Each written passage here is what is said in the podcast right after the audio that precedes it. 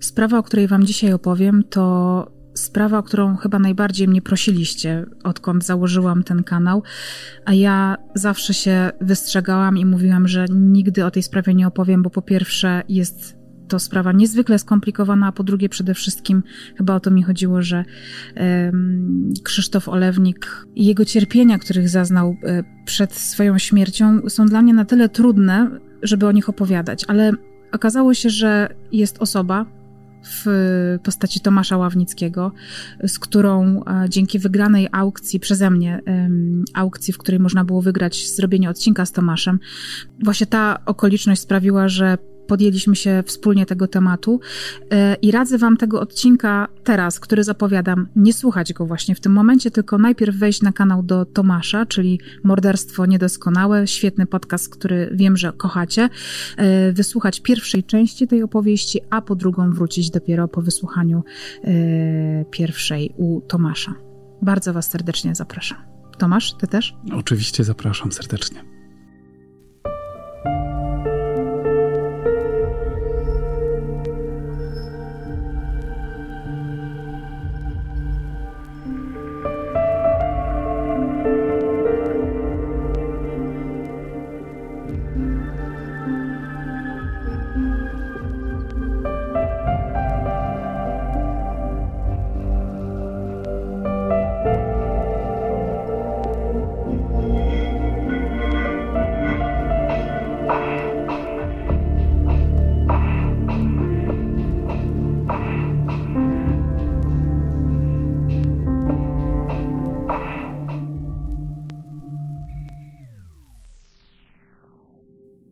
Może wróćmy na moment jeszcze do okupu, bo do mamy tego... lipiec 2003 roku, kiedy... Sprawcy się ponownie skontaktowali tak. w czerwcu 2003 roku i poinformowali, że teraz to już nie 350 y, tysięcy dolarów, tylko 300 tysięcy euro. Zmienili walutę. Możliwe, że y, zdawali sobie sprawę, że tamte wcześniej przygotowane pieniądze no, mogły być w jakiś sposób oznaczone. oznaczone. Mhm. E, i oczekiwali, że teraz trzeba będzie na nowo zebrać e, inną kwotę w innej walucie. Skontaktowali się 11 czerwca 2003 roku po długim, no prawie rocznym milczeniu, znów nagrane wypowiedź Olewnika, że 300 tysięcy euro. Kontaktują się potem co parę dni mhm. I dochodzi do tego momentu przekazania okupu już e, w lipcu. I tu, no to też z takiej jak mówił między innymi prokurator Janusz Kaczmarek, to taka podstawowa szkoła przy y, tego typu sprawach. Wiadomo, że dopóki sprawcy nie mają w rękach okupu, no to jeszcze im zależy na, na tym, tak. żeby utrzymywać przy życiu porwanego. Mhm. Że w chwili, kiedy dostają pieniądze, to już im na niczym nie zależy. I jasne było, że kiedy przejmą te pieniądze, no to należało się liczyć z tym, że zlikwidują porwanego. Jak wyglądało to przekazanie okupu? Kuriozum absolutne. Tak, mamy trasę toruńską. Jest miejsce zrzutu, które jest oznaczone y, dwoma zniczami i trzema lampkami rowerowymi ma siostra, bo to chyba Danuta wtedy, tak. prawda, ma zrzucić okup była z wiad... w ciąży. Była w ciąży, tak. I jeszcze też jest takie dramatyczne nagranie, które można spotkać w różnych materiałach, natknąć się na nie w różnych materiałach, gdzie ona płacze i rozpaczliwie mówi, że Krzysiu, ja nie mogę przyjechać sama, bo ja nie mogę prowadzić, bo mam zagrożoną ciążę, jestem w czwartym miesiącu, no nie mogę sama jechać, muszę tam, no po prostu mhm. jest też taki dramat straszny.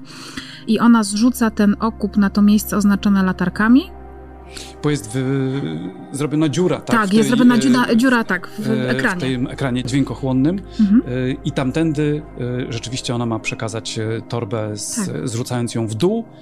Dołem pod trasą toruńską, pod mostem Grota Roweckiego mhm. biegnie ulica Gwiaździsta. Tak. I sprawcy ten okup podejmują. Dlaczego policji było trudno rzeczywiście namierzyć? Funkcjonariusz, który miał to nadzorować, przyjechał na miejsce 5 minut po zdarzeniu. Może dlatego. A że było ciemno, to już w ogóle wszelkie ślady zbierano stamtąd dwa dni później. Tak. Dwa dni Dwa później. dni później. Z rzeczy za, niezabezpieczonych w żaden sposób, które były pozostawione na miejscu, pewnie rozumiem, pod, pod wpływem też różnego rodzaju czynników atmosferycznych, dwa znicze, lampki rowerowe, które też można namierzyć, skąd je kupiono, monitoring ze sklepu, odciski palców, cokolwiek, DNA. Mnóstwo materiału dowodowego, który nie został nigdy czy został oczywiście zbadany parę dni później, ale no to już wiadomo, że jakość tych materiałów jest zupełnie inna. Jak potem y, kolejna prokuratura przejmowała tę sprawę i badała i wszelkie nieprawidłowości, no to y, zauważono, że właśnie data oględzin tego miejsca była wpisana już dwa dni po zrzuceniu okupu i na początku oni myśleli, że to, to ktoś błąd. się walnął w dacie. W dacie. Mhm. Dopiero potem, jak zrozumiano, że te oględziny robiono dwa dni później, no to to pokazuje Ogólnodostępne miejsce, tak. Skalę tych nieprawidłowości, mhm. kuriozalnych wydarzeń, że powiedzieć, że to się nie mieści w głowie, to jest Jak o wiele nic nie za powiedzieć, mało. tak. tak. Bo Danuta oczywiście zrzucając ten okup, ona jest przekonana, że tam jest policja. Że tam jest policja. Mhm bo ona y, otrzymała telefon, że ma ruszać teraz, najpierw do Płońska, potem y, miała konkretny telefon przekazany z konkretną kartą SIM+, mhm. y, instruowano ją w trakcie jazdy, co ona ma zrobić i rzeczywiście ona wykonała nietypowy ruch na tej trasie. Kazano jej się wycofać. No jasne, że na takiej trasie szybkiego ruchu, który kierowca wrzuci wsteczny nagle, nie? No idiota.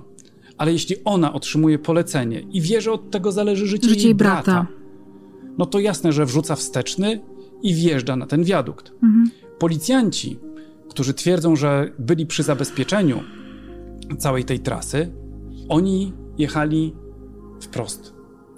Gdyby oni, mhm. tak, to było ich tłumaczenie, gdyby oni w tym momencie wrzucili wsteczny, byłoby to e, jasne, że, e, że są ich ogonem, mhm. tak, olewników.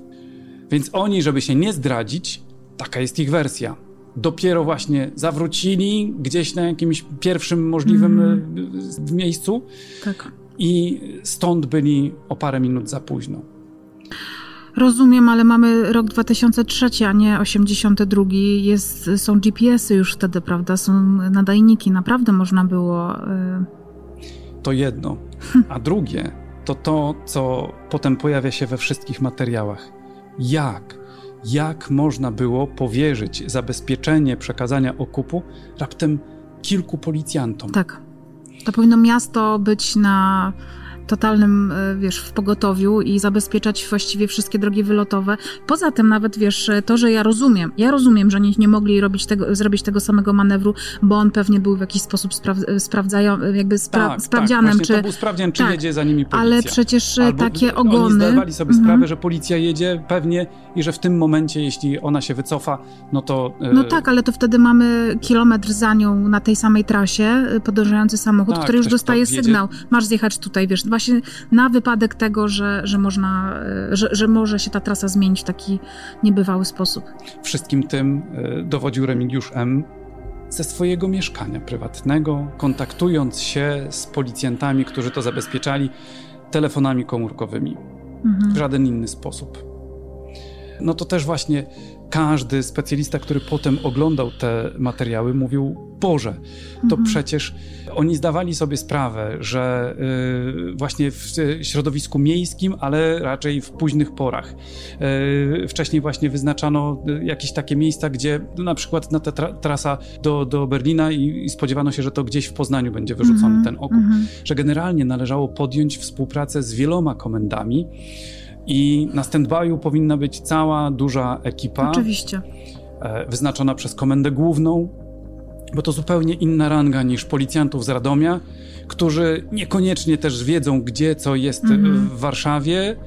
Tak, bo to była ekipa radomsko-płocka. Mm-hmm. Tak. Oni Warszawę mogli znać tyle o ile. Nie wiedzieć, jaki jest skrót, jak ominąć korek, jakby co. Gdyby zaangażowano w to stołeczną policję i znaczne siły, no to nie doszłoby do tego. A oni, no cóż, no. Nie udało się. Nie udało się. Nie sprawdzano nawet potem też tych banknotów, bo e, rzeczywiście te banknoty ponoć były kserowane przez pracowników olewnika, żeby można było wykryć, gdzie potem Wiem. sprawcy płacą banknotami, mm. które są. Yy, tak się dzieje w, też w sprawie właśnie Eweliny Bałdygi. Tam też yy, rodzina kseruje banknoty, które są yy, tylko w, samodzielnie, jakby kserują banknoty, które mają potem być przekazane jako okup. No i te rzeczywiście banknoty Logiczne. część się tam mhm. po jakimś czasie wypływa. E, wypływa, ale e, znaczna część nie wypłynęła, dlatego że policja też dopiero po paru dniach przekazuje gdzieś do odpowiednich banków e, informacje, tak, które pieniądze pochodzą z przestępstwa jakiej serii. Po paru dniach. O. Także tak to wyglądało z przekazaniem okupu. Mhm. Jak później wynikało z zeznań jednego ze sprawców, oni już e, mniej więcej po roku przetrzymywania Krzysztofa zdawali sobie sprawę, że Umrze. trzeba będzie go zlikwidować mhm. w momencie, kiedy dostaną pieniądze. Dlatego, że nawet jeśli Krzysztof ich nie widział, to zna ich głosy. Oczywiście. I ich rozpozna. To były dwa lata ktoś musiał go karmić, ktoś musiał go kąpać. To też warte tutaj e, chyba zaznaczenia. To jest chyba dobry moment, żeby powiedzieć w ogóle, jak, jak on był przetrzymywany. On był przetrzymywany w piwnicy domu letniskowego Wojciecha Franiewskiego e, w Kałuszynie. W Kałuszynie. I to w ogóle też była miejscowość, która gdzieś była wskazana w, w jakimś anonimie. Było kilka anonimów, ale w jednym właśnie też mówiono o tym Kałuszynie. Mm, był przypięty łańcuchami. Jeden łańcuch, e, jak potem któryś ze sprawców mówił, taki jak do, dla krów, był przypięty do jego stopy, drugi miał na szyi, e, więc był cały czas skrępowany. Z tego co wiem, Krzysztof miał chyba taki sposób i taki pomysł na to, że bardzo, bardzo schudnie żeby móc się z tych więzów y, po prostu wydostać. Tym bardziej, że pilnujący go bokser, pseudonim bokser, y, był alkoholikiem i bardzo często był mocno pijany. Ale też po alkoholu robił się bardzo agresywny i czasami po prostu dla sportu przychodził tam do piwnicy y, i Krzysztofa mocno bił. Krzysztof mógł kąpać się raz w tygodniu, ale też y, trzeba było jakoś to logistycznie rozwiązać, bo nikt go nie chciał wypinać z tych y, łańcuchów. No był to sprawny, wysportowany młody człowiek, y, który oszczędzał swoje siły. Wiadomo, że słabł z miesiąca na miesiąc, no ale mógł się wydostać, więc przeszyto, przerobiono mu po prostu ubrania. Miał zapinane na napy, tak żeby te łańcuchy można było cały czas mieć zapięte, a zdejmować ubrania. Też w spodniach była taka specjalna dziura wycięta tak. nożyczkami, tak. w majtkach też, mhm. żeby bez rozbierania się mógł załatwiać potrzeby fizjologiczne. Do wiadra, które stało obok. Wiadro, różowe wiaderko stało obok, e, oni je wypróżniali w, gdzieś tam wywożąc do lasu. Mhm. Pilnował go, jak wspomniałaś, bokser Piotrowski, on miał czasami ciągi alkoholowe. Mhm. Zdarzyło się, że trafił właśnie do aresztu na jakiś czas. Tak. E, Oglądał też namiętnie telewizję cały czas. Bardzo rzadko e, jakby to pomieszczenie, w którym Krzysztof był przetrzymywany, było pod okiem kamery. I on miał taki jakby wewnętrzną telewizję, na której mógł sobie oglądać, ale podobno bardzo rzadko to robił. Wybierał Nieraz telewizję. zostawiał Krzysztofa na parę dni. Mhm. Nikt go wtedy nie karmił. Ten łańcuch, który był na szyi, w momencie, kiedy on schudł i rzeczywiście zauważono e, na kamerze, że próbuje się wydostać, mhm zwężono ten łańcuch, tak. żeby się bardziej jeszcze zaciskał wokół szyi, mhm. żeby trudniej mu było się w jakikolwiek sposób oswobodzić. Absolutnie nieludzkie warunki. Tak.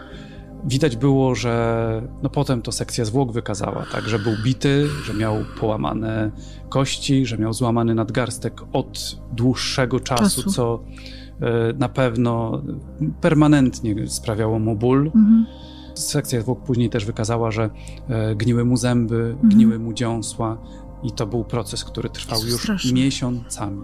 Miesiącami. Mhm. To nie był tylko ten ostatni etap tuż przed podjęciem e, okupu, mhm. ale no to już trwało i trwało. W Kałuszynie przebywał prawie dwa lata. Ponad 700, 705 dni dokładnie. A potem jeszcze go przeniesiono w inne miejsce. Mhm.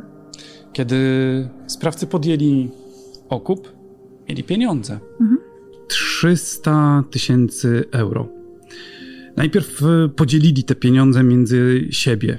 Już właściwie następnego dnia, tak? 24 mhm. lipca y, został przerzucony z trasy AK torba z pieniędzmi 25 lipca spotkali się w Kałuszynie i e, dokonali podziału. Najwięcej dla siebie... O, o, no właśnie, o Kościuku, Franiewskim i Paziku. Tak. Oni wzięli, e, najwięcej z, e, dla siebie wziął e, Franiewski. On był mózgiem całej tej operacji. operacji. Policzył sobie, Franiewski w ogóle, 20 tysięcy euro na pokrycie kosztów w związku z przetrzymywaniem olewnika przez dwa lata. I oprócz tego każdy z nich jeszcze musiał właśnie odpalić działkę. Tu są zeznania Sławomira Kościuka, i on mówił tak: W końcu po odjęciu przez Franiewskiego kosztów własnych wypadło po 40 tysięcy euro dla mnie, Pazika i Piotrowskiego. Franiewski z kwoty, która została nam przydzielona, kazał jeszcze zapłacić e, Staśkowi. No to był e, przestępca z Wyszkowa, który też im e, pomagał, też potem znalazł się na ławie oskarżonych. I z tych pieniędzy jeszcze, które pochodziły z podziału między sobą, Kościuk kupił działkę w dzbądzu. Mhm. Jeszcze tuż po tym, jak e, wzięli te pieniądze, zadzwonili do rodziny i poinformowali, że e, odebrali pieniądze, muszą je wymienić i się zabezpieczyć. Taki był e, kontakt.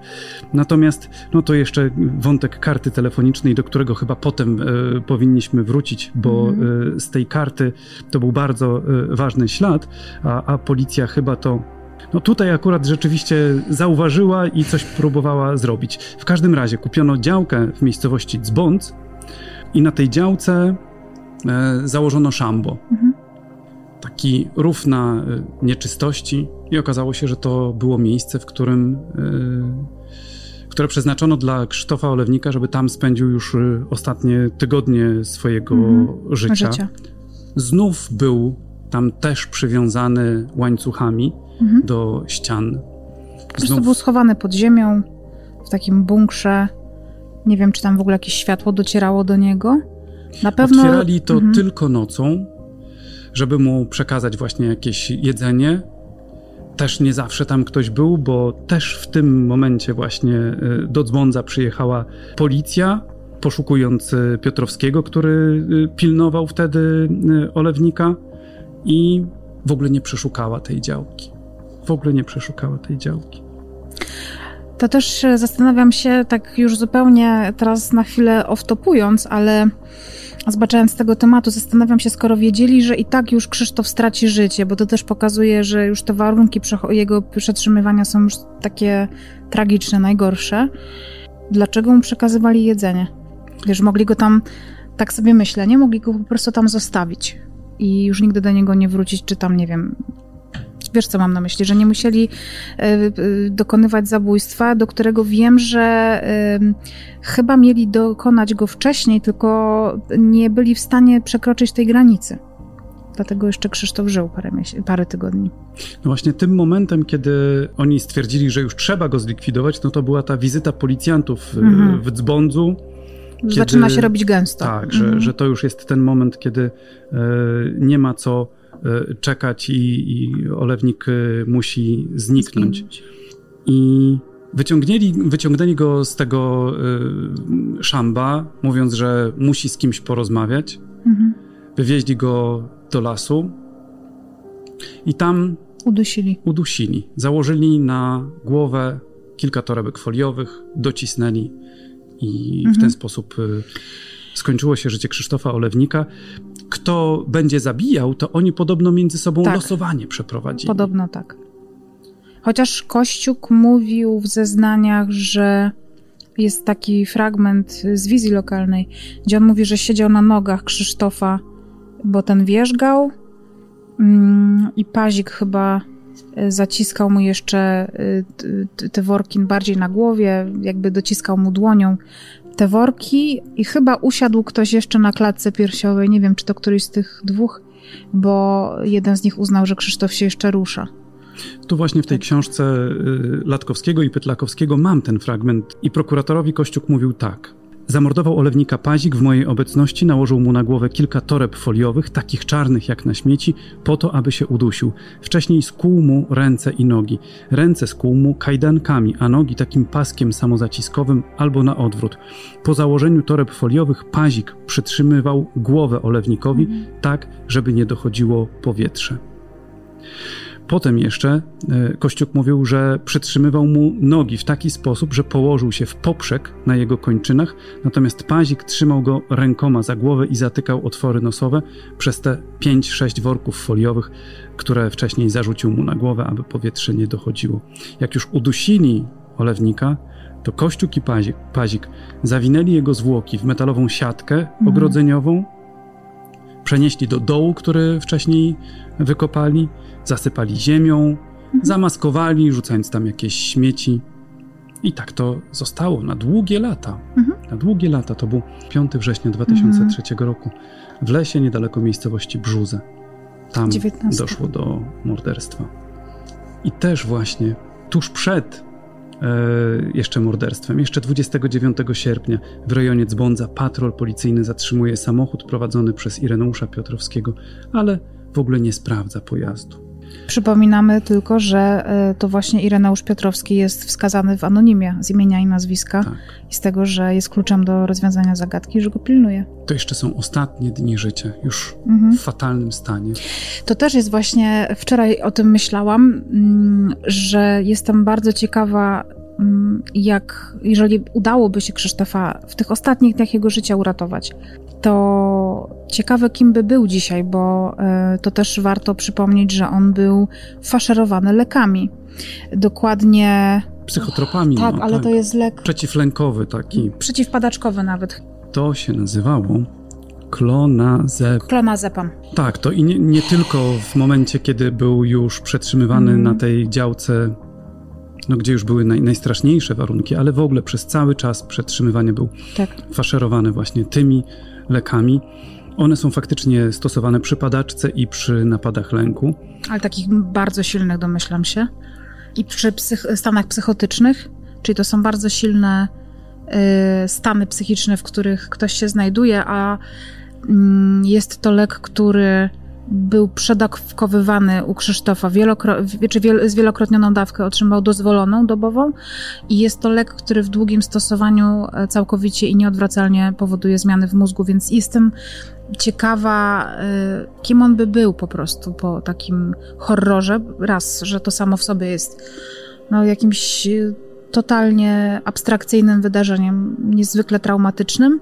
Kim by też był e, po tak długim podtruwaniu go lekami, o tak silnym działaniu. Bo to trudno sobie wyobrazić, co ten człowiek przeszedł. Mhm. Studnia głęboka e, na dwa metry, zakrywana metalowym wiekiem. Mhm. Bez światła.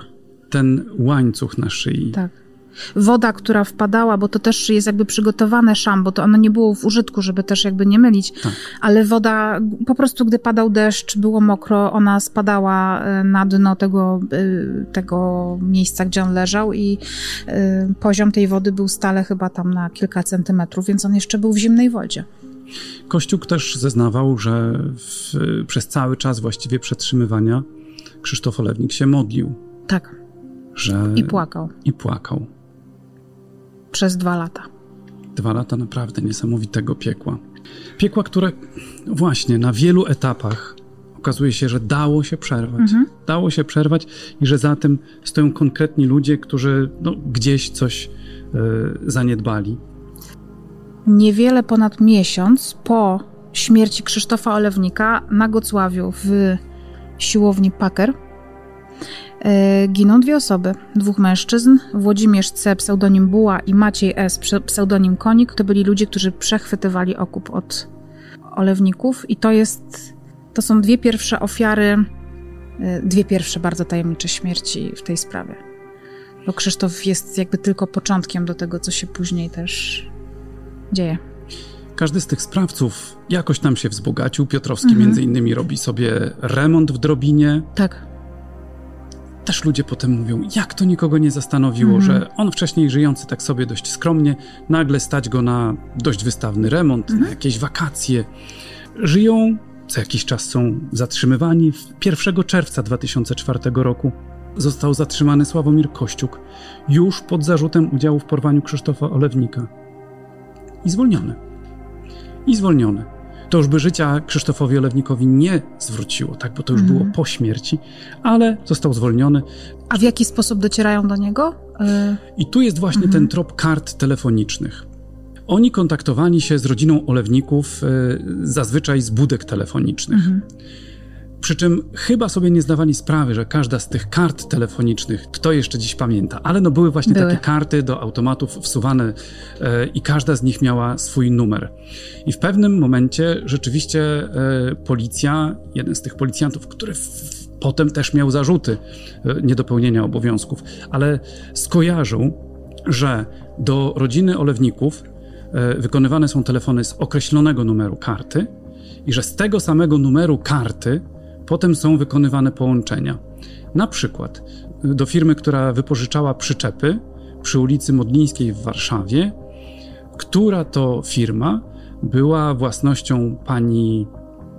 Mm, no właśnie, powinienem użyć teraz pełnego nazwiska, ale ona y, w procesie została, dostała wyrok y, w zawieszeniu. Więc powiem tak, żony pana Wojciecha e, Franiewskiego. E, formalnie ta firma nie należała do niego, a do jego żony i Kościuk e, dzwonił właśnie tam.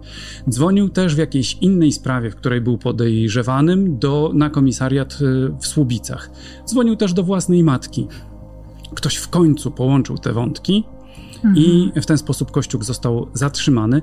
Ale no co istotne, sam Kościuk y, był bagażowym na Okęciu, nie był osobą z jakimś y, poważniejszym wykształceniem, natomiast pochodził z rodziny, że tak powiem, no, porządnej. Mhm. Jego siostra była adwokatem, i e, w momencie, kiedy został zatrzymany, siostra podobno podjęła interwencję i na tyle skutecznie, że udowodniła, że nie mają w prokuraturze mhm. jakichś tam specjalnie mocnych zarzutów, aby go e, wnioskować o aresztowanie. Brat e, był po AWF-ie, brat był osobą działającą w Polskim Związku Głuchych, udzielającą się na rzecz sportu osób niepełnosprawnych. No i e, potem był kandydatem na wiceministra sportu. No, z ramienia samoobrony. Szczęśliwie, nieszczęśliwie e, do tej nominacji nie doszło. Brat udowadniał, że w ogóle nie miał z tą sprawą nic e, wspólnego. wspólnego. Możliwe, że faktycznie nie miał, ale gdyby rzeczywiście doszło no to do tej nominacji, no to jeszcze bardziej by potwierdzało to, to że w tej sprawie są wątki polityczne. polityczne. No więc w ten sposób y, poprzez karty telefoniczne y, policja doszła do tego, że Kościuk ma z tą sprawą coś y, wspólnego. Co ciekawe, jeszcze a propos żony Franiewskiego, to ona była też oskarżona w, o udział w porwaniu Krzysztofa Olewnika i została oczyszczona z zarzutów, ponieważ nie dopatrzono się znamion tego, że ona w ogóle wiedziała, że Krzysztof jest tam przetrzymywany na w sumie ich wspólnej działce, ale y, jakby podstawą do tego zarzutu było to, że ona bardzo często na tej działce bywała w momencie, kiedy Krzysztof był tam przetrzymywany, przywoziła tam jedzenie, miała tam też przywozić ubrania. Ona sama mówiła, że jeździła na tę działkę tylko w początkowym okresie i nie wiedziała mm. absolutnie, że y, tam jest przetrzymywany jakiś człowiek, że na tej działce był pies jej męża, którym należało się opiekować, i ona przywoziła jakieś e, właśnie jedzenie, jeśli już to dla psa. Mhm. A potem już pieczę nad tą działką e, przejął bokser Piotrowski, mhm. i ona już mówi, że wtedy tam nie bywała i mm, jej kamień spadł z serca, że nie musi tam e, przyjeżdżać. Też no, wspólni znajomi mówią, że e, ona raczej była osobą zastraszoną przez e, Franiewskiego. Mhm że jeśli mąż coś e, mówił i jej kazał, to tak miało być i ona raczej nie stawiała oporu i nie pytała co i dlaczego. I że niektóre rzeczy faktycznie mógł przed nią ukrywać. Ile w tym prawdy? Faktem jest, że faktycznie ona do więzienia nie trafiła, nie dostała trafiła. wyrok e, w zawieszeniu, no, co, co było ogromnym mm-hmm, rozczarowaniem mm-hmm, dla rodziny tak. Olewników, tak? Bo, mm. bo oni byli przekonani, że, że, wiedziała. że ona no, też jest winna tutaj to tak jak już wspomnieliśmy, że są wątki polityczne, no to należałoby powiedzieć e, o Grzegorzu K. Mhm. On znów jest K. Wtedy nie był K. Wtedy nie był K, używał pełnego nazwiska i przed y, komisją śledczą występował podając pełne y, nazwisko. Natomiast y, teraz jest jednym z podejrzanych w toczącym się ponownie procesie dotyczącym zabójstwa. Jest to no dość wysoko postawiony był wtedy, wysoko postawiony działacz SLD. Mhm. On był wicestarostą w sierpcu. Mhm. Miał całkiem wysokie stanowiska w Orlenie. Generalnie to był człowiek, który e, mówił, że e, jest bardzo blisko związany z całą rodziną Olewników i że pomagał Olewnikom w uzyskaniu informacji, no bo bardzo lubił Krzysztofa, mhm. że z Krzysztofem łączyła ich wspólna pasja, strzelanie, no, że się spotykali, że y, te kontakty no, były dość bliskie i że w sumie y, używał nawet takiego określenia, że za Krzysztofem to on by poszedł do piekła. Bardzo ładne, okrągłe zdania, tak to wszystko pięknie brzmi, a... Potem rodzina Olewnika oskarżała go o wiele rzeczy, czerpiąc często informacje od różnych przeciwników politycznych. Ile w tym było prawdy, no to właśnie no też trzeba liczyć na ten ponowny proces, mhm. że, że on e, wyjawi. Mm, Grzegorz K. mówił w ten sposób, że on, e, aby wyjaśnić, co się stało z Krzysztofem, poszukiwał różnych kontaktów i skontaktował się z płockim dziennikarzem, który z kolei twierdził, że ma kontakty ze światem przestępczym. Tak. Grzegorz K. E, miał e, przekazywać pieniądze właśnie temu dziennikarzowi, który ten z kolei dziennikarz miał przekazywać pieniądze przestępcom i ci przestępcy mieli Olewnikowi e, przekazywać jakieś informacje, gdzie jest, co robi, jaki jest jego stan. To nie były żadne niesamowicie cenne mhm. informacje, no ale uzbierała się z tego spora suma. Informacje właśnie niewiele dały. Sam Grzegorz K. mówi, że nigdy ten dziennikarz z Płocka nie ujawnił, e, kim był jego informator, e, od kogo te informacje brał. Na początku wydawało się, że, że te informacje są wiarygodne, mhm. i na początku też ten informator rzekomy, prawdziwy, któż to wie, mhm. dziennikarza Płockiego mówił, że to nie było porwanie, ale samo uprowadzenie. Czyli Tę samą wersję mhm. przedstawiał y, Olewnikowi, co i policja.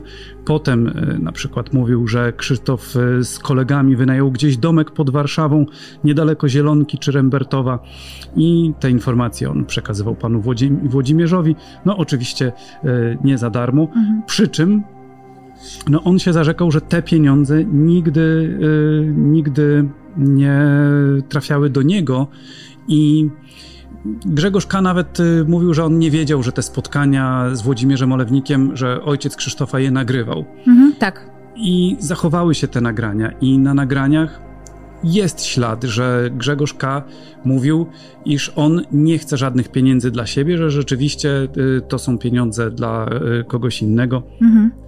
No mówię, Kolejny proces pozostaje wierzyć, że mimo upływu lat da mhm. się to jeszcze Włodzimierz wyjaśnić, Olewnik, kto jaką rolę odegrał. Tak, tego Grzegorza i Pawła K. Nie wiem, czy, czy mm, znaczy to jest chyba zbieżność tego, że mają mhm. nazwisko na tę samą literę. E, ten e, dziennikarz to Paweł K. z TVP nie wiem, e, kim on był i czym się zajmował. Być może był jakimś dziennikarzem śledczym, nie mam pojęcia.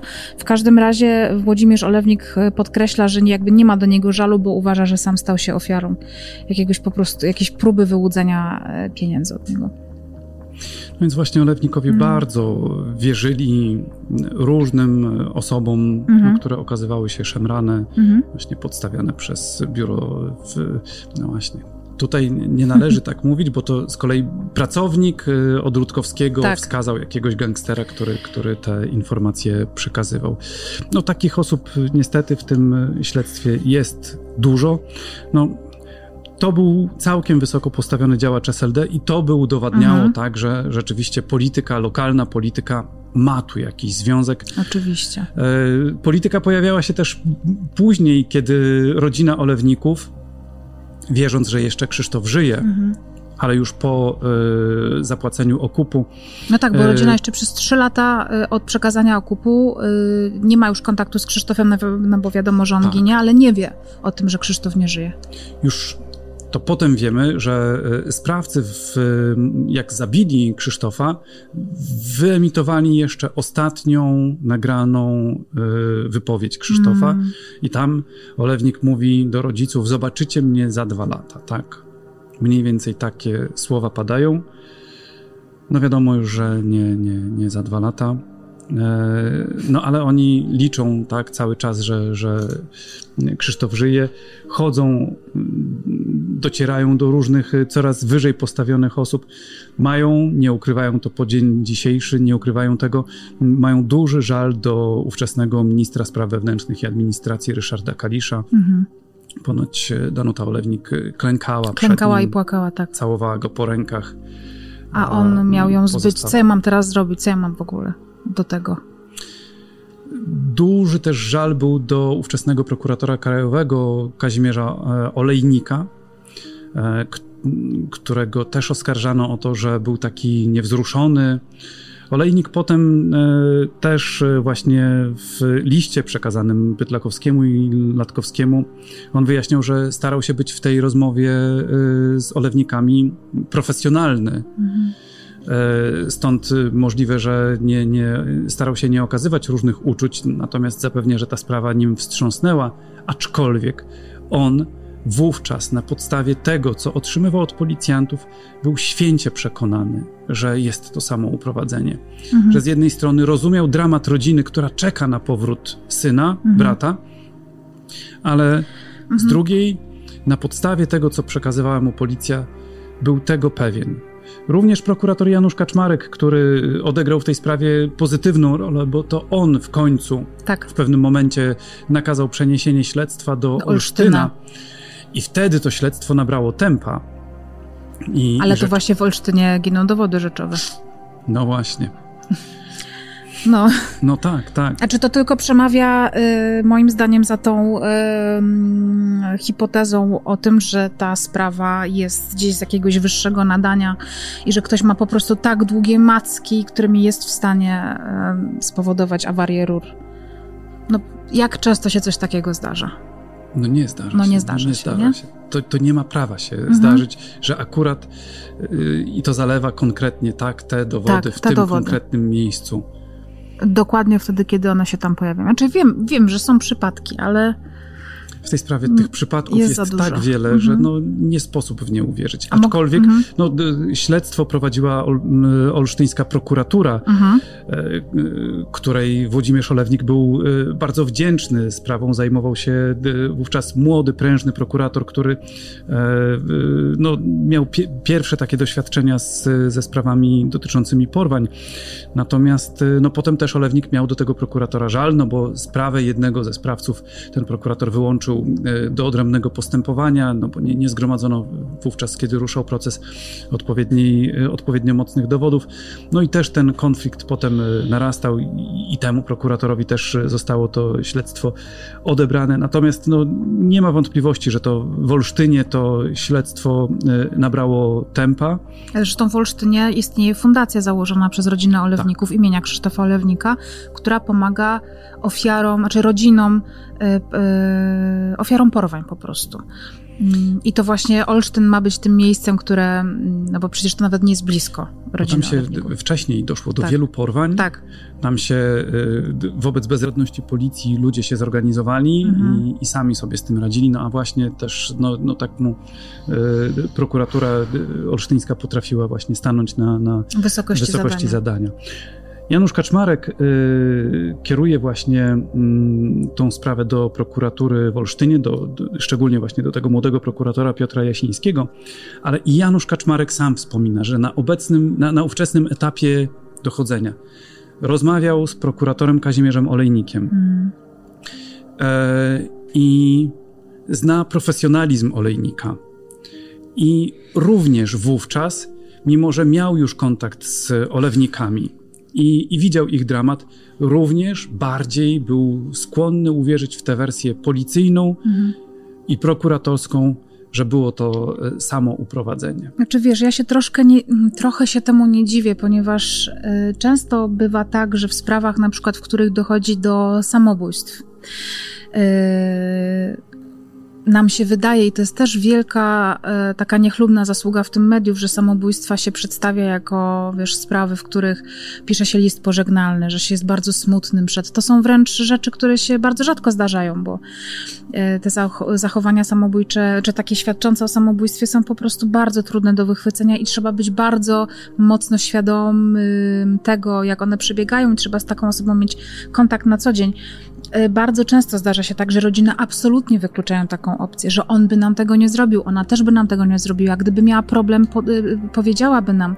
I nawet Danuta Olewnik mówi w, pewny, w, w, w którymś z wywiadów, że po prostu, tak jak ona by tego nie zrobiła swoim rodzicom i jak jej siostra Ania by tego nie zrobiła, to Krzysztof też by tego nie zrobił. Ja wiem, że czasami, wiesz, zna się kogoś bardzo dobrze ym, i możemy dawać sobie ręce odciąć, ale z drugiej strony dla osób, które prowadzą śledztwa, myślę, że bardzo jest dużo takich sytuacji, które przeczą tym ym, takim przekonaniom y, rodziny, nie? Bo to jest takie chronienie trochę wizerunku tej ukochanej swojej osoby, no, która może zdradzać jakieś takie niepokojące ym, symptomy, wiesz, y, które mogą o niej źle świadczyć, więc rozumiem tutaj ten sceptycyzm organów ścigania, że okej, okay, ja rozumiem, że wam jest trudno w to uwierzyć, że ktoś mógł was tak bardzo skrzywdzić. To jest uzasadnione. W ogóle mhm. rodziny też bardzo się często skarżą, że w momencie, kiedy dochodzi do jakiejś takiej mm, sytuacji, że mhm. ktoś ginie, to że najpierw sprawdzane jest najbliższe otoczenie. Są Oczywiście. to rutynowe zadania. Wynikające też ze statystyki, no. Mm. Owszem, one się potem często nie sprawdzają, ale rzeczywiście te rutynowe działania trzeba podjąć. Mhm nawet jeśli rodzina ma, ma o to żal. No tak, tak to e, wygląda. Może opowiem e, teraz o tajemniczej śmierci, która ma miejsce jako druga w kolejności po śmierci Krzysztofa. Mówiłam wcześniej o policjancie z Płocka, tym takim wysoko postawionym. Mm, przypomnę, jest to Maciej K., były szef płockiej policji, i zastępca komendanta policji mazowieckiej, czyli jest w Radomiu. I to jest człowiek, który w tajemniczych okolicznościach umiera tuż e, po śmierci Krzysztofa Olewnika w 2003 roku. Mm, przypomnę też, że to właśnie Maciejka y, proponuje pośredniczenie w transakcjach różnego rodzaju nie do końca legalnym Włodzimierzowi Olejnikowi, czyli kupno zakładów mięsnych w Płocku, wejście w jakiś biznes y, w Warszawie, wykupienie jakiejś stołówki. To jest wszystko to, czego y, Włodzimierz Olewnik nie chce robić, ale z szacunku do tego policjanta, jeszcze się tam z nim parę razy spotyka, y, Maciejka też jest na imprezie u Krzysztofa Olewnika. I wyobraź sobie, i wyobraźcie sobie Państwo, że ten mężczyzna umiera. Y, osobiście zresztą nadzorował pracę grupy operacyjnej namierzającej porywaczy Krzysztofa Olewnika. Co ciekawe, tak jak wcześniej wspomniałam, był to człowiek oczywiście na wysokim stanowisku w policji, ale mimo wszystko to nie są e, pieniądze, na takie stanowiska nie zarabia się gigantycznych pieniędzy, które umożliwiają e, zakup jakiegoś milionowego majątku, a taki właśnie Maciejka posiadał. I teraz e, sytuacja, to, że mówimy to w tym roku, e, kiedy jest sprawa tajemniczego handlarza bronią, e, tego od respiratorów, który rozpływa się nagle w powietrzu, umiera, jest e, skremowany w Albanii, w której nie ma krematorium, respiratoriów i tak dalej. Podobna rzecz się dzieje z tym Maciejem K. E, umiera. No, od respiratorów był skremowany tutaj w Łodzi, tylko Aha. nikt tego nie dopilnował. On okay, umiera w Albanii. Przepraszam, okej, okay, dobra. To... On umiera w Albanii, ale y, ciało zostało sprowadzone tu, tylko że y, skremowano w Łodzi bez y, jakiegokolwiek udziału policji, bez sprawdzenia, czy to jego czy zwłoki to on? tutaj okay. przy, przywieziono. To bardzo przepraszam, bo tutaj akurat myślałam, że zatrzymałam się na etapie, kiedy mówili, mhm. że był skremowany w, w tej Albanii. W każdym razie Maciejka umiera jego ciało zostaje od razu skremowane, mimo że są jakieś zeznania, nie wiem do końca kogo, ale osób znajomych tego Macieja K., które mówią, że nic nie słyszała o tym, żeby on kiedykolwiek wyrażał zgodę na to, żeby go kremować. Z drugiej strony możemy się znać i też ja mogę nie wiedzieć, jak chcesz być pochowany, mm. prawda? Więc to akurat rozumiem. E, zostaje skremowany, a jego prochy zostają e, rozsypane e, w Bieszczadach, więc absolutnie nie do sprawdzenia. To dociera do jakichś władz, zostaje wszczęte śledztwo, bo to jest w Polsce nielegalne, żeby rozsypywać prochy. Śledztwo jest szybko umorzone. Uznają Maciejaka za zmarłego, mimo że do tej pory bywa widziany w okolicach swojego, e, swojej posiadłości, e, która dzisiaj jest wielkim przedsiębiorstwem agroturystycznym, ale pojawiają się także informacje, że mieszka obecnie na Ukrainie. No nie wiem, czy teraz, kiedy jest wojna, mhm. natomiast w momencie, zanim ta wojna wybuchła, był widziany na Ukrainie. Co ciekawe, Prokuratura z Gdańska y, zaczyna badać tę sprawę i stwierdza y, w takim wszczęciu postępowania, że okoliczności zgonu i kremacji ciała Macieja K. mogą budzić wątpliwości, jednak oczywiście, y, czy, no nie jest takie oczywiste, ale w tej sprawie myślę, że cię nie zaskoczę, że śledztwo zostaje umorzone. No to tych zgonów no to już o kilku powiedzieliśmy, ale tak. jeszcze parę przed nami. Jeszcze parę przed nami, tak. Tajemniczych. Wspomnieliśmy o tym, jak policja natrafiła E, mhm. na tę grupę. E, karty. Kościóg mhm. i e, karty, z których dzwonił, karty telefoniczne. Mimo to okazało się, że to były zbyt słabe dowody i jego wypuszczono. Ale policja natrafiła na, no, no bo już wtedy ten Kościóg był na oku, tak, to umówmy się, że y, jednak go śledzono i natrafiono na no, postać dość istotną, Piotr Skwarski. W listopadzie 2005 roku E, to był jego kolega, który złożył zeznania obciążające Kościuka. Kościuka. I mówił tak. To się znalazło między innymi w materiałach, które rodzina Olewników e, przygotowała dla komisji śledczej. E, I Skwarski mówił, że nie pamiętając dokładnie daty, ale pamiętając, że był to przełom 2001 i 2002 roku, że przyjechał do niego swoim samochodem marki Peugeot 205 koloru czerwonego, tym samochodem, który już nieraz się nam pojawiał, e, o numerach rejestracyjnych zaczynających się od liter WY Sławomir Kościuk. Na tylnym siedzeniu w samochodzie był mężczyzna przykryty kocem, Jezu. spod którego wystawały nogi owinięte szarą taśmą samoprzylepną.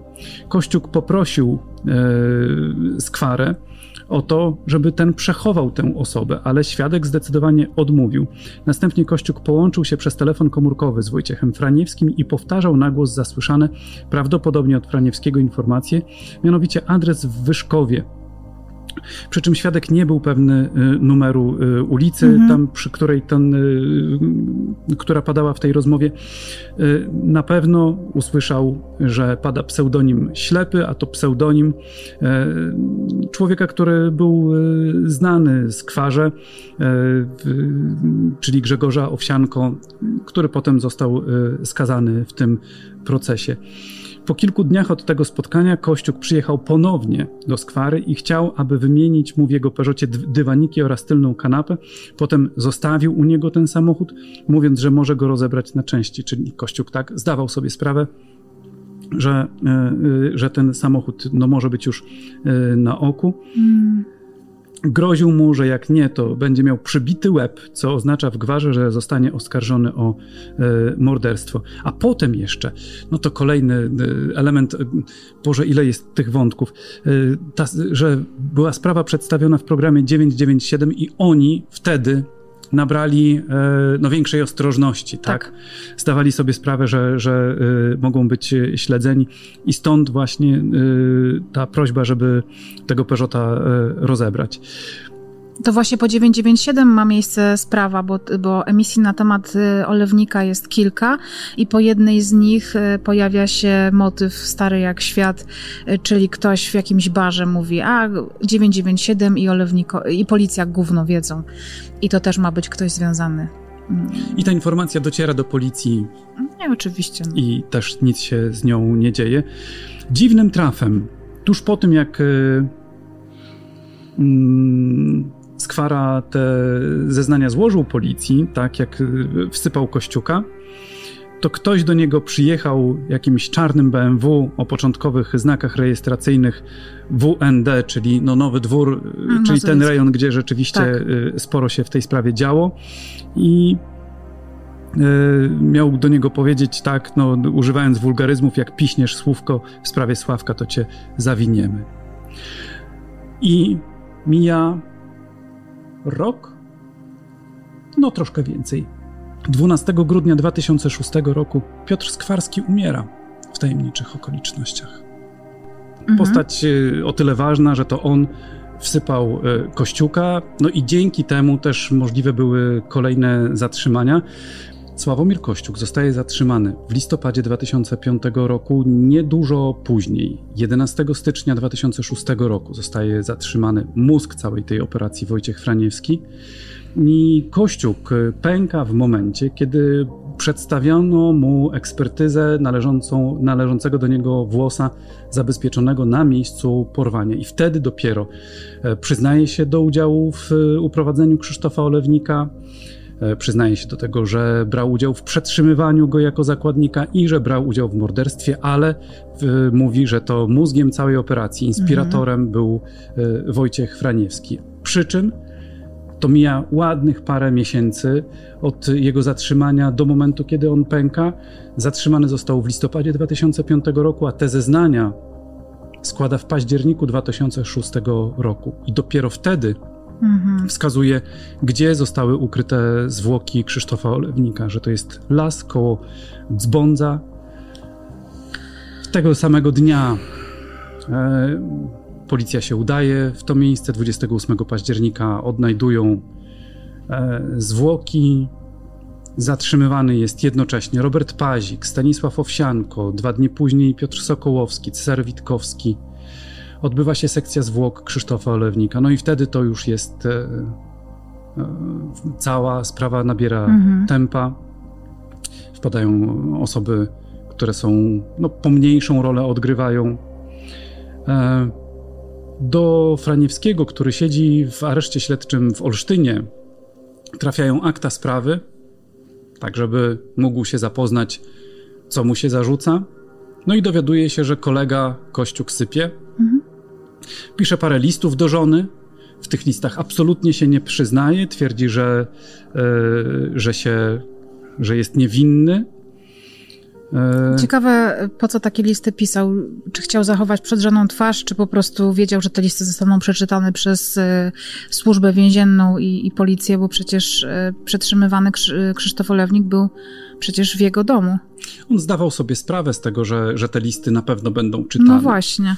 I w tych listach zastrzega, że. Yy, Nic nie wiedział. Że zrobi wszystko, żeby jego dzieci nie żyły z piętnem, yy, że ojciec był yy, zabójcą. No i mimo, że y, takie zapewnienia składa, to jednocześnie szykuje testament. W testamencie dzieli swój majątek, ile dla córki jednej, dla córki drugiej, dla syna z pierwszego małżeństwa. małżeństwa. E, z pierwszego małżeństwa miał jedną córkę i syna, z drugiego małżeństwa miał jedną córkę. I wskazuje, jak ten majątek podzielić. Gdyby nie było zgody między tymi ludźmi, to y, jaka inna jest opcja podziału. List y, kończy Kasiu, kocham cię prawdziwą miłością, miłością prawdziwą i szczerą, jak na początku, tak i teraz. Jak mówiłem, zwłoki spalić i rozsypać na wólce w Alei Pamięci. Ucałuj dzieci, kocham was i nie pozwolę, żeby na moje dzieci ktoś mówił, że mają ojca mordercę. To kłamstwo. Nikogo nie zabiłem i nikogo nie kazałem zabić. Takie słowa padają w testamencie. Jest też list do żony, w którym do niczego się nie przyznaje. To takie trochę jakby listy pożegnalne, tak można je interpretować, tak? Twoim zdaniem? Tak. Choć z drugiej strony no, oczywiście są wątpliwości co do mhm. Y, okoliczności tej śmierci. Y, Wojciech Franiewski popełnił to samobójstwo w nocy z 18 na 19 czerwca 2007 roku, jeszcze zanim rozpoczął się proces. To jest w ogóle bardzo ciekawe y, samobójstwo pod kątem, mm, czy ciekawe pod kątem jego przebiegu. Ja na przykład w ogóle nie byłam świadoma do momentu, kiedy nie poznałam e, właśnie tej historii, że w celach e, takich jak on siedział, on siedział w takiej izolatce powiedzmy mhm. z takim zaostrzonym, nad, pod zaostrzonym rygorem, e, pod całodobowym monitoringiem i raz na jakiś czas taki więzień jest zobowiązany do tego, żeby pokazać monitorującemu go strażnikowi, E, znak, tak, umówiony. I to w tym więzieniu był znak palca wskazującego, który był podniesiony do góry.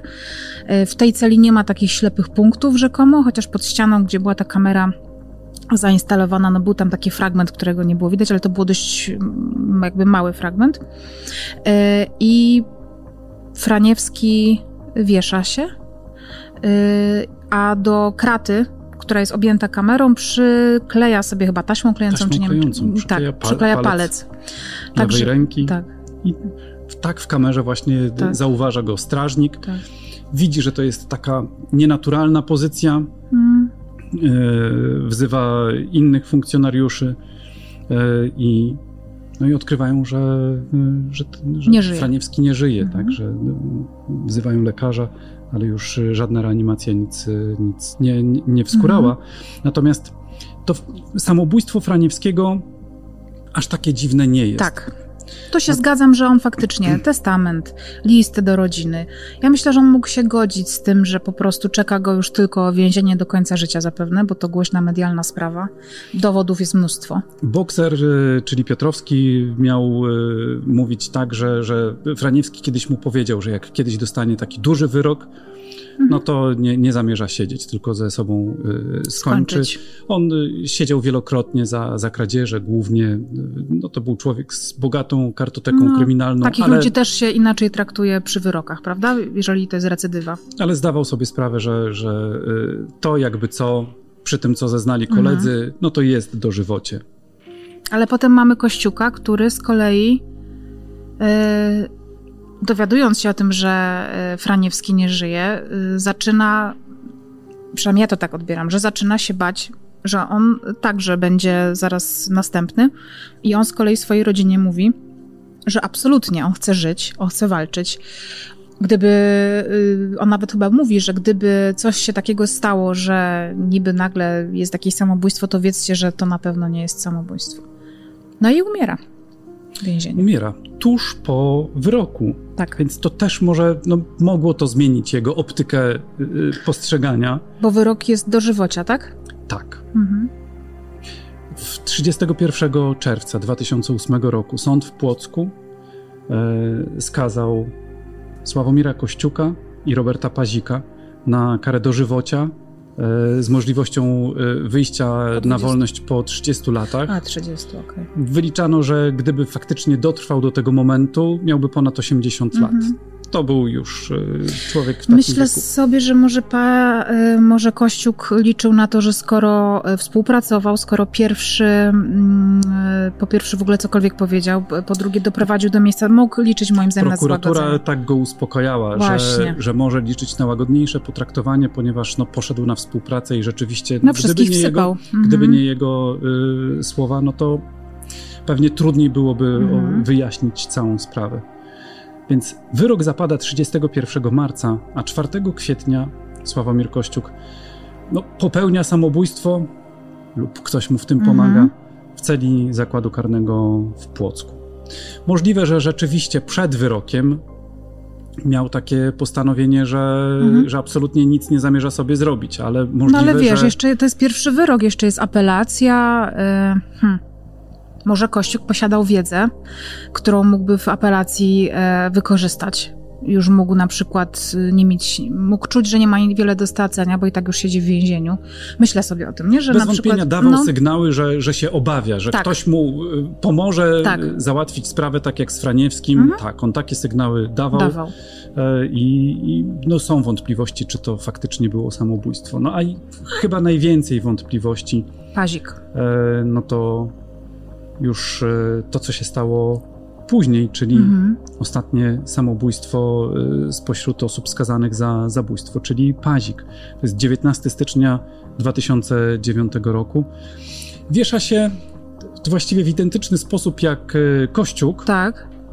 Ale najpierw powiedzmy, skąd on trafił do, właściwie, bo to też on jest... wcześniej siedział w Płocku. Tak. Został wywieziony do, do sztumu. sztumu ale mhm. trafił z powrotem do Płocka. Tak, tylko Sztum to jest więzienie o zaostrzonym rygorze dla najniebezpieczniejszych więźniów, doskonale monitorowane i nagle przychodzi sygnał z prokuratury, która każe przenieść y, Pazika w związku z jakimś postępowaniem sądowym on ma się gdzieś stawić na jakimś przesłuchaniu, z tego co dobrze rozumiem. W związku z tym, y, a że, że nie ma możliwości zapewnienia mu konwoju, to, to decydują się na to, żeby przenieść go na moment do tego Płocka. On był ze Sztumu dowieziony do Płocka, bo miał się stawić w sądzie w sierpcu, w sierpcu gdzie był tak. oskarżony o pomocnictwo w rozboju. No Inna i, zupełnie sprawa, nie? Tak. Mhm. I y, bliscy y, Bazika mówili, że już wtedy miał mówić, że powrót do Płocka to jest dla niego wyrok śmierci. Mnie to kompletnie nie dziwi. Mimo, że nie ufam tym ludziom absolutnie, y, mówię tutaj o zabójcach Krzysztofa Olewnika, bo no, są to przestępcy, którzy latami mogli go uratować, nie? Ale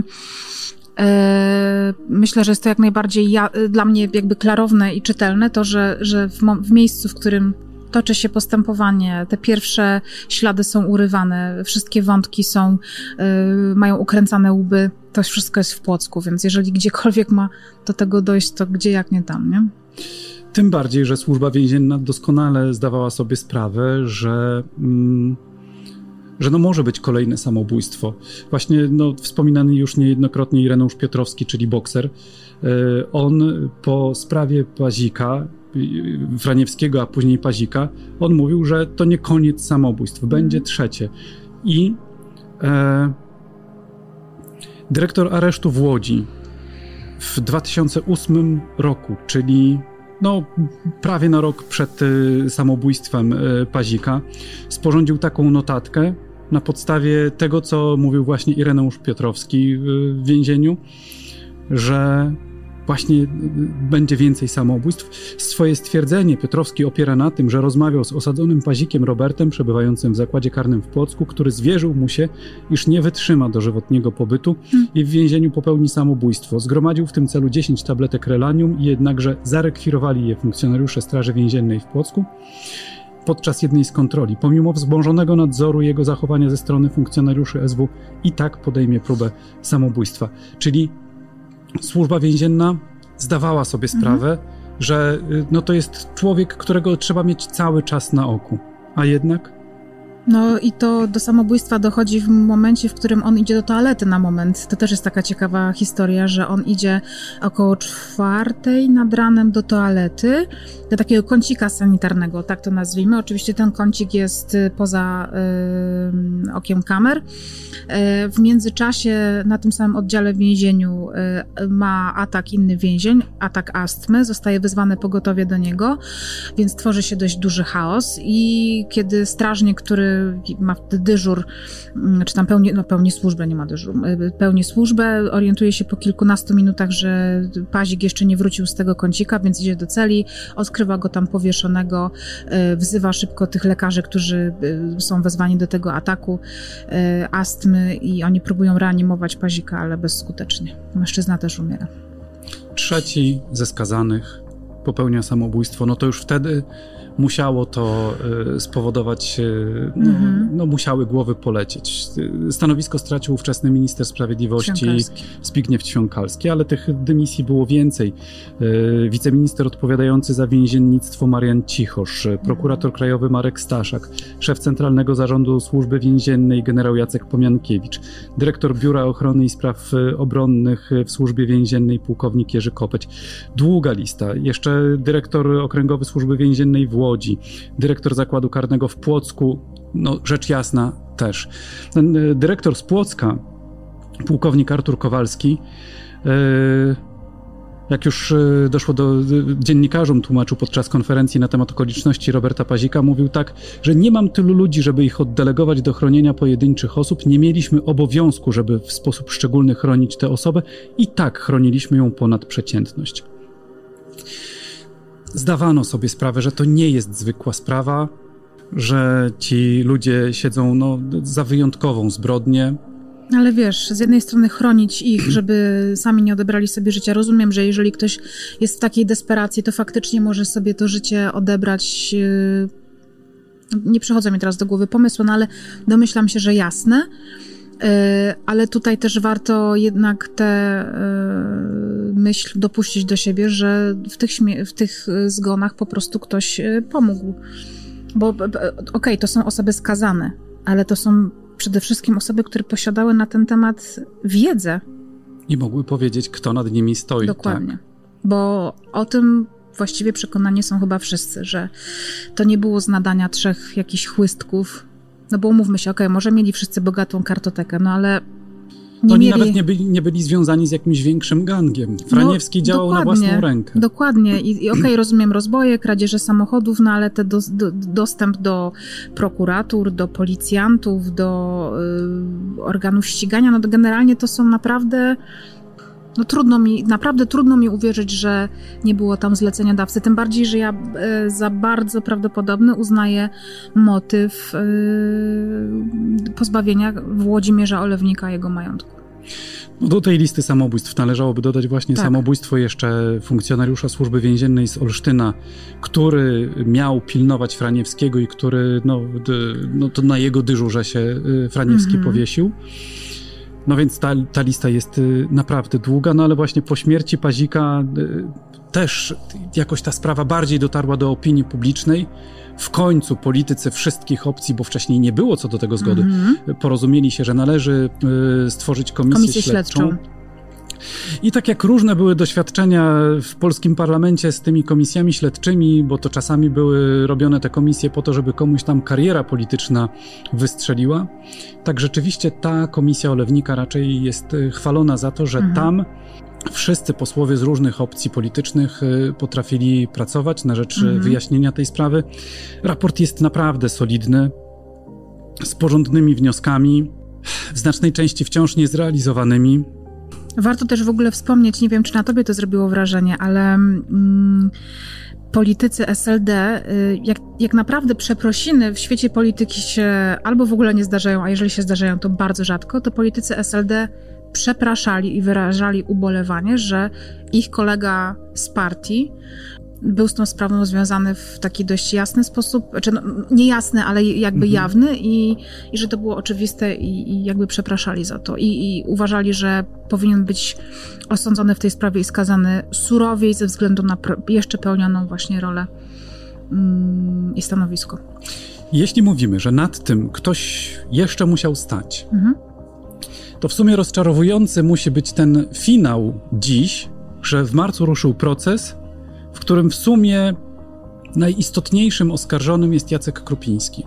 Tu nie ma wątpliwości, że to był jednak, jakby to powiedzieć kolokwialnie, za, za krótki, Pionek. za mały człowiek, mhm. żeby móc y, dokonywać takich rzeczy, że nie wiem, że prokurator, który natrafia na jakiś ślad, nagle jest odsuwany od sprawy i jest y, do tego dawany inny prokurator, który y, od początku musi się zajmować sprawą. Mhm że do y, sprawy wyznaczani są policjanci, którzy y, mają y, mizerne doświadczenie i, i nie są w stanie dojść do jakichkolwiek wniosków. Czy Krupiński, wtedy 25-latek, który no może miał jakiś motyw, ale czy miałby aż tak potężne wpływy gdziekolwiek? Może wszedł w jakiś układ z kimś, myślę sobie, ale to raczej też nie on chociaż mógł, no zakładam, nie? Teraz totalnie spekuluję, że Krupiński mógł wiedzieć, co się dzieje wokół Olewnika, że są różnego rodzaju groźby, próśby, próby przejęcia biznesu, yy, ustawienia go w jakiś sposób, w jakimś układzie. Olewnik, mówię tutaj o Włodzimierzu, nigdy nie chciał w takich układach brać udziału. Z drugiej strony, wiele rzeczy w tej sprawie po stronie rodziny Olewników jest niejasna do końca co może kazać nam przypuszczać, że są rzeczy, o których oni nie chcą mówić. E, ale to też jest czysta spekulacja, nie? Ale myślę sobie, że może było tak, że po prostu ktoś przyszedł do Jacka, albo Jacek sam wyszedł z taką inicjatywą, ponieważ Włodzimierz Olewnik akurat w tym czasie, kiedy dochodzi do porwania, przeszkadza mu troszkę w biznesie, nie? Bo chce nad tym mieć pieczę, chce to robić legalnie. E, Jacka chyba raczej pociąga ten troszkę bardziej niebezpieczny świat, ponieważ ma taką chrapkę na tę tańszą stal. Wracając jakby do pierwszej mm. części e, tej sprawy, do samego początku. Może chciał go jakoś zdradzić, mógł go jakoś zdradzić, wchodząc w jakiś układ, ale wciąż musiał ktoś nad tym Jackiem stać. To nie jest tak, że to moim zdaniem nie wyszło to od niego. Więc nawet jeśli akt oskarżenia wobec niego jest y, uzasadniony, mhm. to i tak na ławie oskarżonych wciąż powinien zasiadać ktoś jeszcze.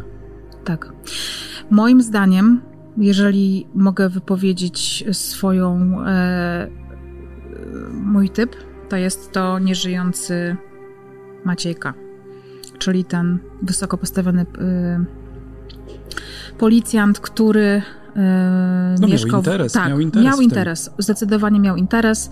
I myślę, że on był na tyle wysoko postawiony. Przypominam, on był zastępcą komendanta głównego e, e, komendy wojewódzkiej. Woje, tak, komendanta wojewódzkiego w Radomiu czyli jakby wojewódzkiej komendy mazowieckiej, tak? jakby tak, na tak. Mazowsze. Tak. Więc no był bardzo wpływowym człowiekiem. Był człowiekiem, który posiadał bardzo duży majątek pod Łąckiem y, w, w korzeniu. CBA mu się przyglądało przez dwa lata. Szukali różnego rodzaju dowodów korupcyjnych. Był człowiek absolutnie czysty, więc podejrzewam, że też tam dochodziło do różnego rodzaju właśnie takich machlojek, do których bardzo możliwe, że był po prostu Włodzimierz Olewnik namawiany, nie? że okej, okay, kup biznes, będzie twój, ale odpalaj nam jakieś pieniądze za to, nie? Po okazyjnej cenie. Ja myślę, że władza, pieniądze i wpływy to jest to, co może stać za tym. Y, I właśnie lęk przed utratą tego, nie? Albo taka po prostu chciwość, która wpływa na to, że ci ludzie chcą coraz więcej, coraz więcej. No ciekawe, czy doczekamy mhm. wyjaśnienia tej sprawy. Rodzina, y, wiem, że przez długi czas twierdziła, że nigdy, już się to nie wyjaśni, a w zeszłym roku y, oglądałam właśnie rozmowę zarówno z Włodzimierzem, jak i z Danutą Olewnik w magazynie śledczym Anity Gargas, gdzie właśnie Danuta twierdzi, że to się wyjaśni. I tylko ma nadzieję, że za jej życia, za życia całej rodziny. Mm, I jest pewna, że to wyjdzie na jaw. Być może mają jakieś informacje, którymi się nie mogą podzielić tak po prostu, bo jest to, wiesz... Oby. No. Oby. No to jest jeszcze jedna sprawa. Mhm. Jest. Niby bliźniaczo podobna, a Ale jednak zupełnie inna. Zupełnie inna. Podobieństwa takie, że Józef Bałdyga nawet jest spowinowacony tak. z Włodzimierzem Olewnikiem. Jego żona y, jest krewną bratowej Włodzimierza Olewnika. Tak, tak, y, takie to jest chyba, albo tego przynajmniej rzędu powinowactwo. Y, co więcej, Józef Bałdyga również ma swoje zakłady mięsne.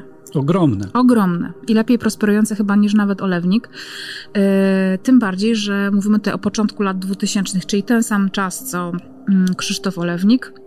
E, Józef Bałdyga i jego firma JBB e, jest e, notowana jako jedno z najbardziej prężnie rozwijających się biznesów w Polsce, a on sam trafia wielokrotnie na listę najbogatszych Polaków. Domyślam się, że chodzi o pewien magazyn, który taki, tak, mhm. taką listę najbogatszych Polaków publikował co roku. Jego majątek szacowano na około 5 miliardów złotych, więc potężny majątek jak dla prywatnej osoby. No i cóż, rodzina mieszka e, w Siedlcach. Mają tam zakłady mięsne.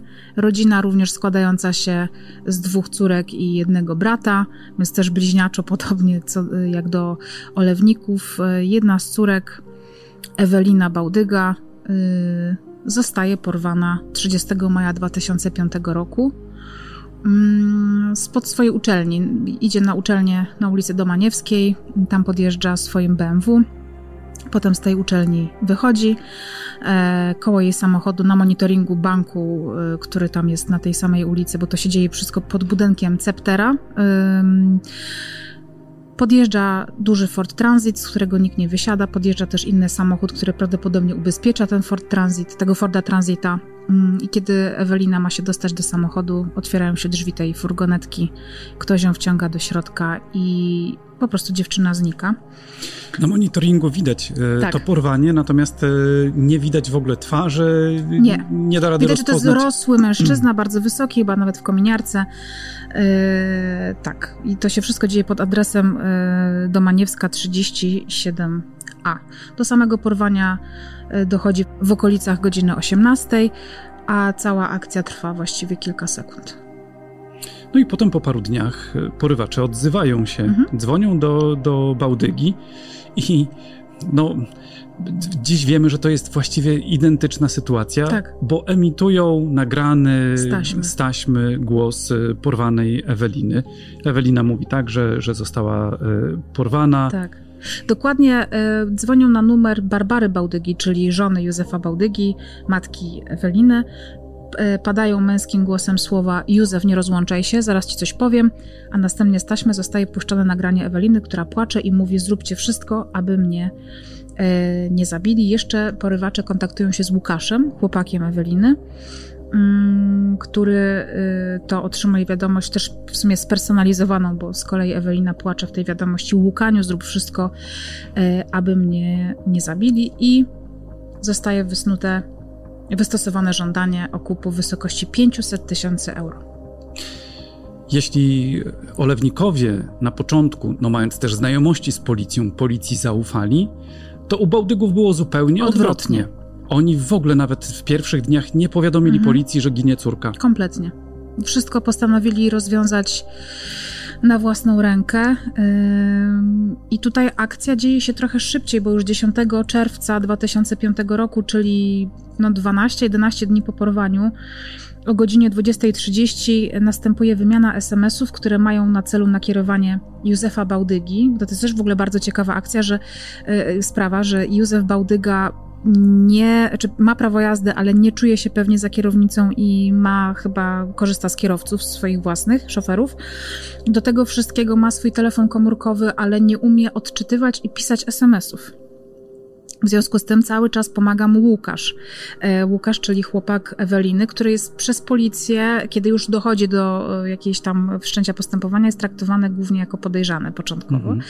Mm, ale to właśnie Łukasz pomaga panu Józefowi Bałdydze w pisaniu SMS-ów, w kontakcie z, z porywaczami, ale porywacze nie traktują Łukasza e, jako takiej osoby, która faktycznie pomaga, tylko uważają, że Józef Bałdyga jest nie pokorny i nie słucha ich oczekiwań, czyli bądź sam, wiesz, stan mhm. standardowe, masz być sam, masz być bez obstawy yy, i podwyższają o, wysokość okupu do miliona euro. Mm, mhm. I potem dochodzi rzeczywiście do, do przekazania okupu i tak. znów jest sytuacja bliźniaczo podobna. Tak. Znów jest most Grota Roweckiego w Dokładnie, Warszawie. tak.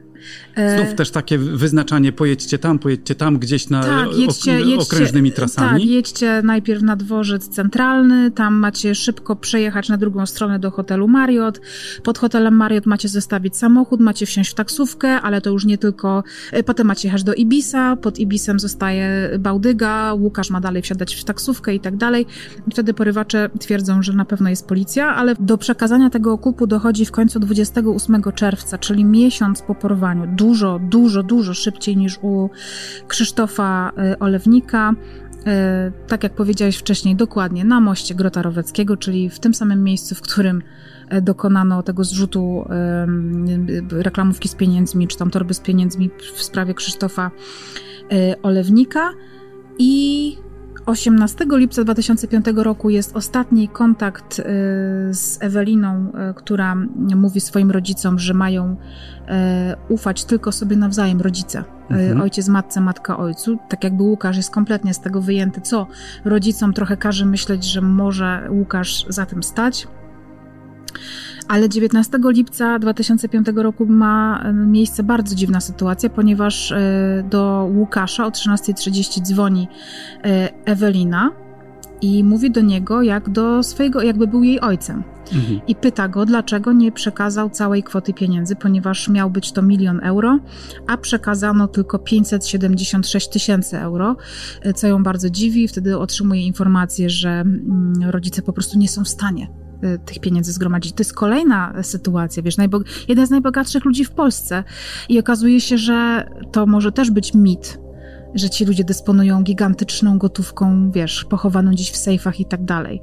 To są prawdopodobnie pieniądze, które są ulokowane, zainwestowane. Nie wyciągnie się Nie tak wyciągnie tak się tak, mhm. tak od razu. I też y, biorą, pożyczają te pieniądze, biorą kredyty. No i ten limit y, zatrzymuje się, czy ten limit po prostu znajduje się w tej kwocie 576 tysięcy. Y, I 4 sierpnia 2005 roku porywacze podobno przekazują rodzinie coś w rodzaju dowodu życia Eweliny.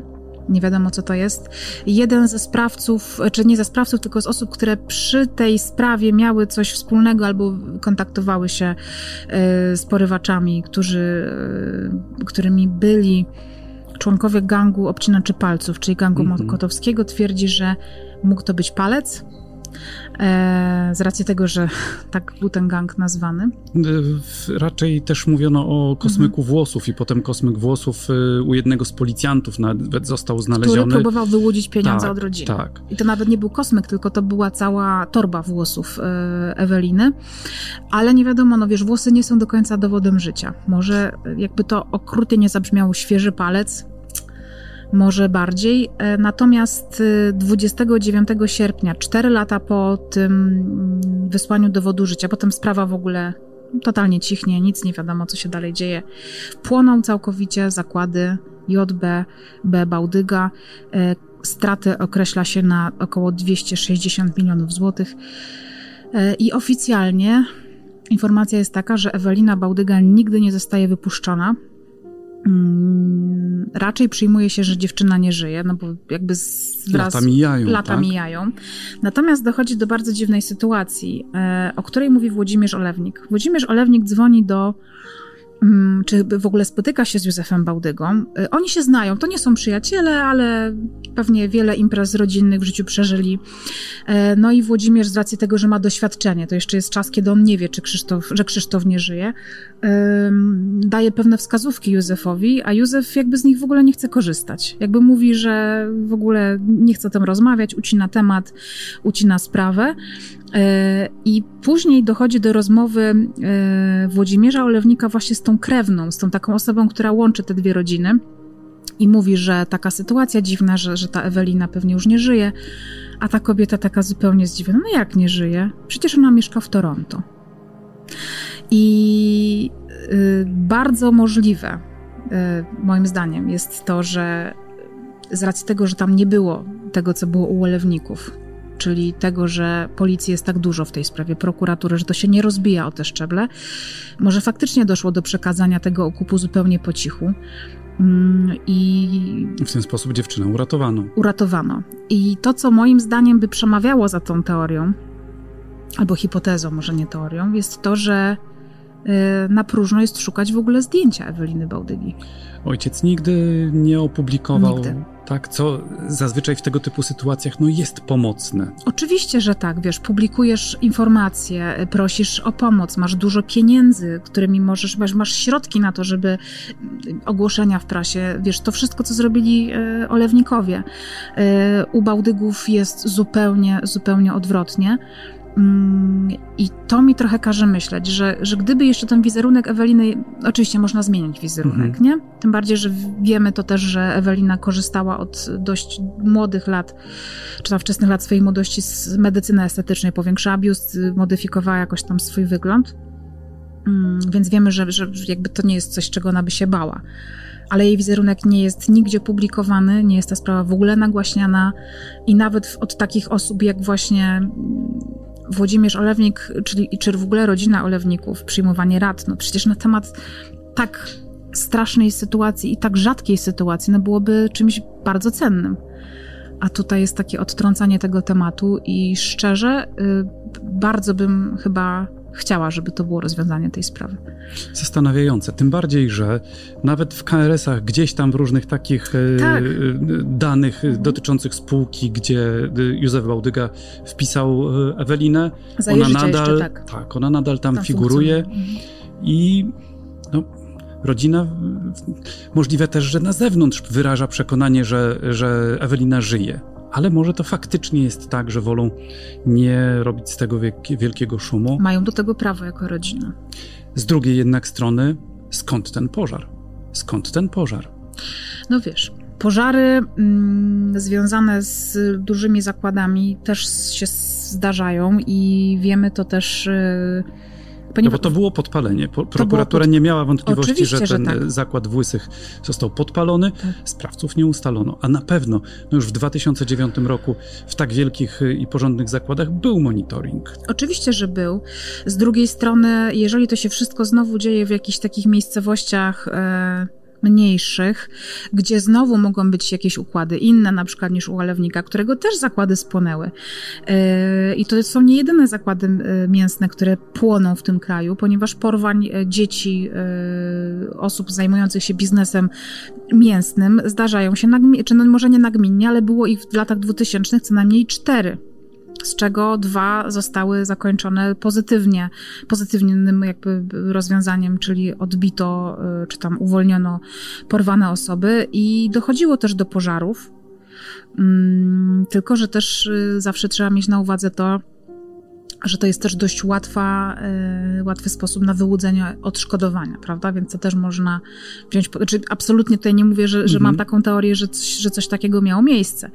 Ale to jasne, że jak się prowadzi taki zakład, to on musi być ubezpieczony. Oczywiście, że tak. I, i teraz musimy sobie jeszcze też zdać sprawę z tego, dlaczego akurat ta branża mięsna, bo y, to się wydaje, że to jest po prostu coś tak mało osób się zajmuje sprzedażą mięsa, nie? No, ale mhm. z drugiej strony podejrzewam, że tam są tak grube pieniądze, o które łatwo się y, po prostu połasić. Pewnie tu jest właśnie no. rozwiązanie. Tu chodzi o pieniądze. Po prostu. Miejmy nadzieję, że rzeczywiście Ewelina Bałdyga żyje. Mhm. Może faktycznie nie musi przedstawiać się całemu światu i. Tego jej musi... życzę. Jeżeli żyje, to to jest jej absolutne prawo. To by było najlepsze rozwiązanie mhm. tej sytuacji. Niestety w sprawie Krzysztofa Olewnika już żadnych dobrych rozwiązań nie ma. Nie ma. W całej tej dramatycznej sytuacji niewiele to zmienia, ale no, warto to powiedzieć. W 2019 roku Europejski Trybunał Praw Człowieka w Strasburgu ocenił, że porwanie i zabójstwo Krzysztofa Olewnika, że w tej sprawie polskie władze są odpowiedzialne za serię poważnych błędów policji, które, no co tu kryć, które doprowadziły do jego śmierci. E, Trybunał w Strasburgu uznał, że Polska powinna wypłacić rodzinie Olewnika 100 tysięcy euro odszkodowania za dośćuczynienia w związku z zabójstwem i porwaniem syna, e, brata. Tę skargę rodzina złożyła w 2015 roku. Cztery lata e, czekała na, na to orzeczenie. Rodzina nie wierzy w sprawiedliwość i trudno rzeczywiście mhm. im się dziwić. I obserwując w ogóle, jak wszystko to wyglądało, w sprawiedliwość trudno uwierzyć. Jest... Pozostaje mhm. mieć nadzieję, że, że cała ta sprawa była jakąś lekcją, że, że dziś już trudno by było powtórzyć to wszystko, że, że jakoś po tej lekcji jesteśmy mądrzejsi. My, policja, prokuratura. Oby. Oby. Oby tak było. To by była puenta? Mam, tak, myślę, że tak, chociaż yy, wiesz, czego sobie i wszystkim najbardziej życzę, że te takie prorocze, czy takie słowa właśnie Włodzimierza Olewnika o tym, że Polska absolutnie nie jest krajem prawa, nie były proroczymi słowami.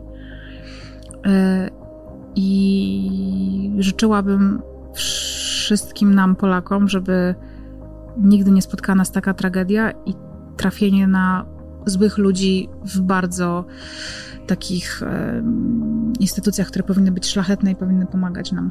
Dobre, mądre życzenia, mm. aby tak faktycznie było. Bardzo dziękuję, dziękuję, że wzięłaś udział w tej licytacji. Bardzo mm. dziękuję, że mogliśmy się spotkać i opowiedzieć tę historię. Tak, i tak bardzo wielu wątków nie poruszyliśmy, bo po prostu siedzimy i nagrywamy czwartą godzinę. Niesamowite. No ale mam nadzieję, że dość kompleksowo to omówiliśmy. Też mam nadzieję, choć naprawdę wielu rzeczy nie powiedzieliśmy. Nie powiedzieliśmy, tak. Pozdrawiam Dobry. wszystkich Twoich słuchaczy. A ja Twoich. Dziękuję. Bardzo miło będzie mi gościć u Ciebie tak. i to, że Ty jesteś gościem tutaj. Zaszczyt. Dziękuję bardzo. Wielkie dzięki.